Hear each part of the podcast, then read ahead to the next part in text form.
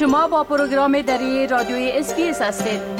گزارشات عالی را در sbs.com.au دری پیدا کنید. تصمیم اخیر بورد کرکت استرالیا در مورد لغو یک سلسله از مسابقات یک روزه کرکت در مقابل تیم افغانستان به دلیل سلب حقوق بشری زنان توسط مقامات طالبان به شمول وضع محدودیت های فزاینده در زمینه تحصیل و فرصت های کار منجر به عکس های گوناگون شده است. قرار بود این سلسله شامل سه مسابقه کرکت یک روزه بین المللی در ماه مارچ در امارات متحده عربی به حیث بخشی از سوپر لیگ شورای بین المللی کرکت برگزار شود. اما اداره کرکت استرالیا هفته گذشته بیانیه را نشر کرد و در آن اظهار داشت که پس از مشورت گسترده با جوانب زی داخل به شمول حکومت استرالیا تصمیم گرفته که در حال حاضر نمی‌تواند این سلسله از مسابقات بین تیم‌های مردان استرالیا و افغانستان را انجام دهد. در بیانیه علاوه شده که این تصمیم پس از اعلام اخیر طالبان در مورد محدودیت های بیشتر بر فرصت های تحصیلی و شغلی زنان و دختران و دسترسی آنها به پارک ها و سالون های ورزشی گرفته شده است. در بیانیه تاکید شده که اداره کرکت استرالیا متحد به حمایت از رشد این بازی برای زنان و مردان در سراسر جهان به شمول افغانستان است و به همکاری با کرکت برد افغانستان به آرزوی بهبود یافتن شرایط برای زنان و دختران در آن کشور ادامه خواهد داد. این تصمیم استرالیا گرچه از جانب عده ای از اشخاص و سازمان ها به خصوص سازمان های حقوقی به امید وارد آمدن فشار بر رژیم طالبان برای احترام گذاشتن به حقوق زنان در افغانستان مورد استقبال قرار گرفته ولی اکثر مردم به خصوص بورد کرکت افغانستان و زنان و مردان شامل در ورزش کرکت در آن کشور آن را تقبیح کرده و این اقدام را به ضرر توسعه کرکت در افغانستان دانستند. بورد کرکت افغانستان این تصمیم اداره کرکت استرالیا را تقبیح کرده و تهدید نموده که با شورای بین المللی کرکت تماس خواهد گرفت و بازیکنان افغان را از شرکت در لیگ استرالیایی BBL منع خواهد کرد. تقریبا همه بازیکنان تیم کرکت افغانستان هم به شمول بازیکنان سرشناس مثل راشد خان و محمد نبی این فیصله اداره کرکت استرالیا را در پیام های تویتر با شدت تقبیح کرده و آن را به زیان رشد کرکت در افغانستان دانستند. طوبا سنگر مسئول سابق رشد و توسعه تیم کرکت زنان افغانستان با بازیکنان کرکت مردان افغانستان هم صدا شده و در صحبت با رشیده یوسفزی از SBS News گفت خبر خوشایند نیست و تمام افغان ها خصوصا شخصا به خودم به خاطر که سالهای سال ما با کرکت افغانستان به نحو دخیل بودم واقعا خبر خوشایند نیست با آینده کرکت افغانستان. خانم سنگر در پاسخ به سؤال در مورد این که آیا فکر نمی کند که این اقدام بورد کرکت استرالیا اثر بر طالبان در قسمت احترام گذاری به حقوق زنان خواهد داشت؟ گفت.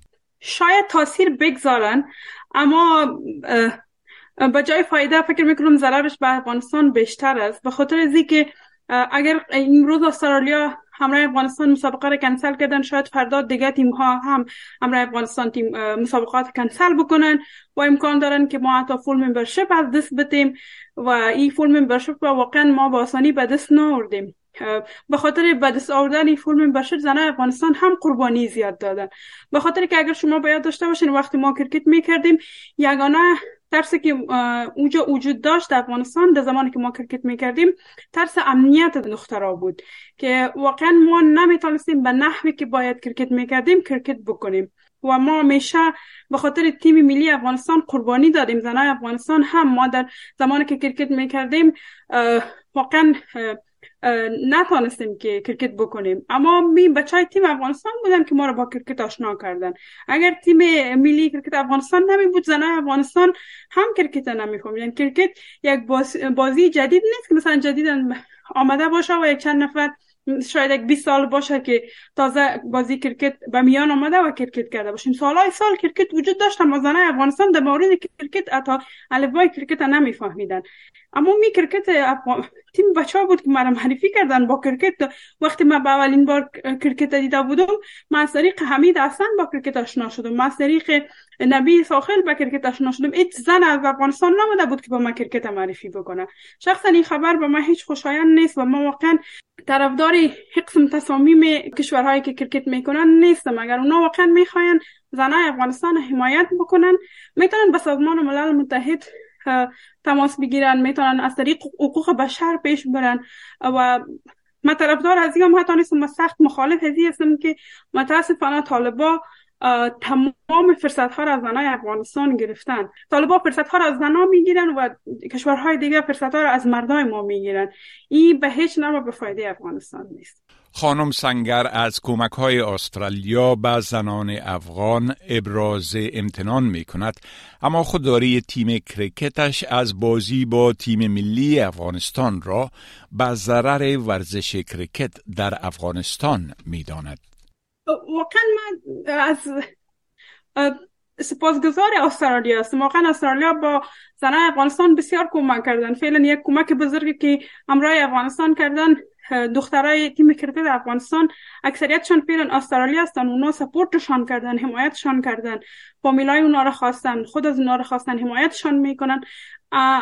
اما اگر فکر بکنیم که به نفع افغانستان است به نفع کرکت افغانستان است این تاثیر گذار نیست اگر امکان می داشت که تمام کشورها با هم یک جای می بودن و یک pressure می گذاشتن سر طالبا که دخترها را که بگذارن که برن به درس برن کار بکنن.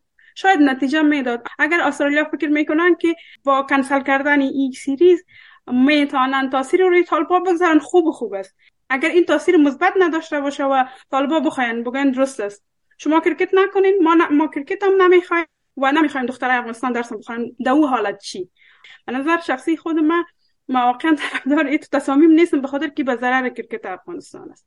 طوبا سنگر می‌گوید با این نظر بعضی ها که گویا دختران افغان استعداد بازی کرکت را ندارند مخالف است. ما یکی از interview های همکارای از cricket board دیدم به نام اسد که اونا گفتن که متاسفانه دخترای افغانستان ما در مدت 20 سال که افغانستان دختر خانم اجازه داشتن که درس بخوانن و سپورت بکنن. در این مدت متاسفانه ما نتونستیم استعدادا را پیدا بکنیم که دخترای افغانستان استعداد کرکت نداشتن. ما با این نظرشان واقعا مخالف هستم این نظرشان و ما قابل قبول نیست به خاطر که دخترای افغانستان بهترین استعدادا را داشتن. درست است که دخترای افغانستان فرصت برشان برابر نشده بود اما ما مخالف این گپ هستم که اونا گفتن که دخترای افغانستان استعداد کرکت نداشتن. بپسندید شریک سازید و نظر دهید. SBS دری را در فیسبوک تعقیب کنید.